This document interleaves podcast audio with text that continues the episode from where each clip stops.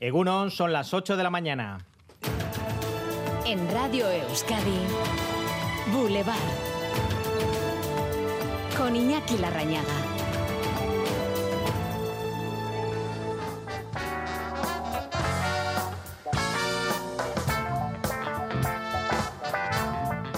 Este podría ser el fin de semana de un magnífico Yasaldia de Donostia. También el del sold out de Iron Maiden en el Beck de Baracaldo.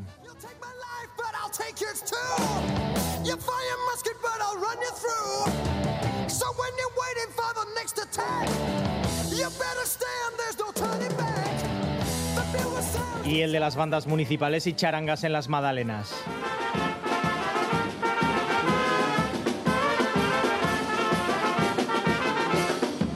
Son los sonidos de este fin de semana de verano a los que se suman de fondo las últimas apelaciones al voto de los candidatos de las generales, elecciones cruciales que apuntan a la posibilidad de un fuerte volantazo a la derecha y que van a marcar en buena medida el futuro político de nuestro país.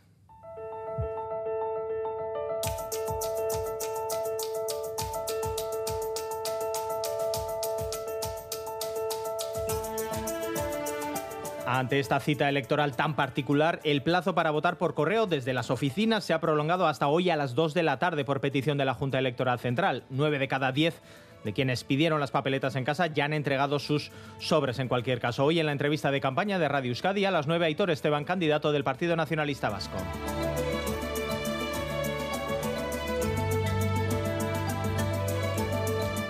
Vamos más con más asuntos que nos ocupan en esta portada informativa. Los vecinos de Fitero en Navarra continúan impactados tras lo sucedido ayer. Sonia Hernando. Absolutamente consternados. El más pequeño de tres años está muy grave, intoxicado presuntamente por su madre, al que obligó a ingerir ácido clorhídrico. Los otros dos, de seis y nueve años, fuera de peligro. Fueron ellos eh, también heridos los que pidieron ayuda en la calle. Los menores se encuentran con su padre. La madre, también ingresada en el hospital, está detenida.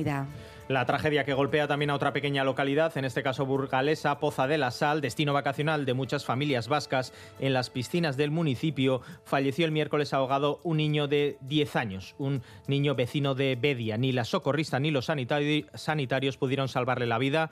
Se han declarado allí en Poza de la Sal tres días de luto oficial.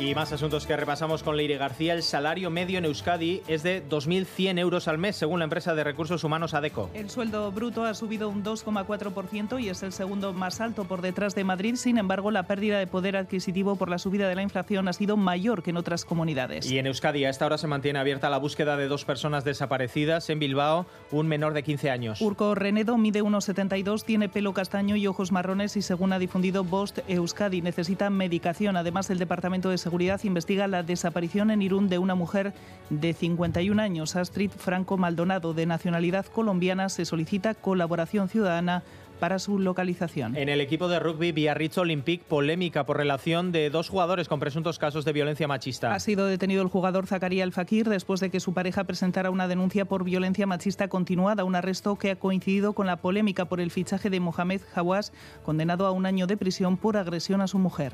Y en Bilbao se celebra el primer Congreso Internacional de Mujeres y Gestación por Sustitución. En el exterior de Azcuna Centro A se concentraron ayer colectivos feministas con mensajes como vuestras riquezas, nuestras miserias y criticando la utilización de ese espacio.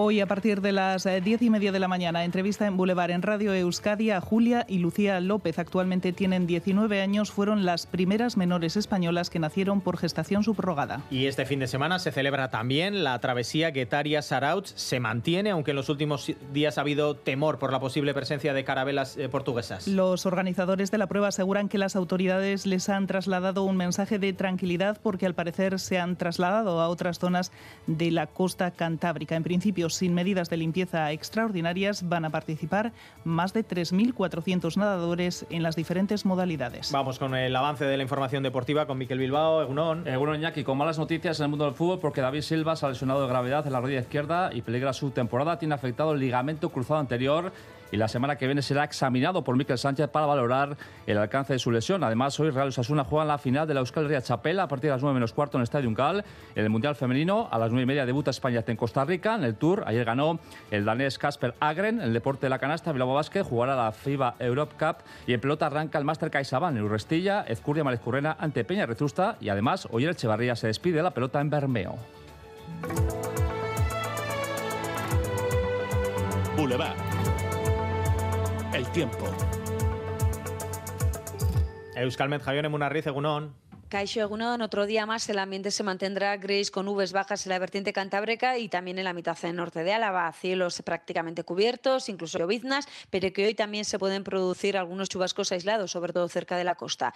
Por la tarde la probabilidad de lluvia sí que va a disminuir y también se pueden abrir algunos claros, pero en general seguiremos con abundante nubosidad. En cambio, en el sur de Álava y centro y sur de Navarra, algunos intervalos nubosos a primeras horas, pero el resto del día de nuevo el ambiente volverá a ser soleado, sobre todo en la mitad sur de Navarra aunque aquí por la tarde pues algunas nubes de evolución se pueden formar. Las máximas eh, similares a las de ayer, en general por debajo de los 25 grados, superando este valor en el sur de Álava y sur de Navarra. A estas horas se registran 19 grados de temperatura en Donostia, 17 en Bilbao, 16 en Iruña, 15 en Vitoria-Gasteiz. En la zona de Pasa y Ancho, donde está el corte de la carretera, la zona del Molinao, 17 grados y lloviendo. Los arcos, 15 grados, nubes y claros. Desde Baracaldo 18 grados y nublado. Pasar buen fin de semana. Egunon, zaian amasei gradu. Elgean amalo gradu eta garbi. Asteburuan, agur.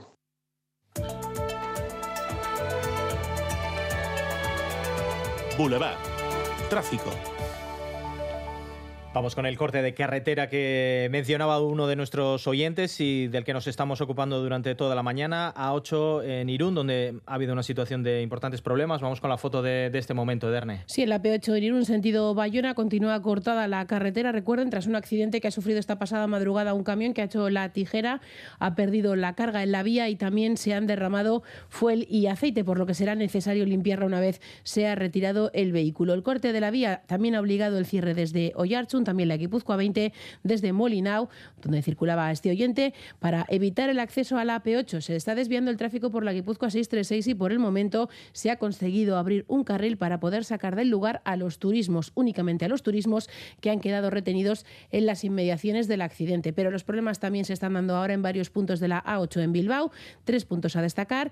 Empezamos en la 8 en Bilbao, sentido Donostia, y dos carriles que han quedado cortados tras caer en la vía en la carga de un camión. Se están registrando retenciones, retenciones también en la A8 en Bilbao a la altura del Fango, sentido Cantabria por un autobús averiado que está cortando un carril y que está generando también alguna retención y terminamos este repaso a la A8 en los accesos a San Mamés por esta vía con cortes intermitentes.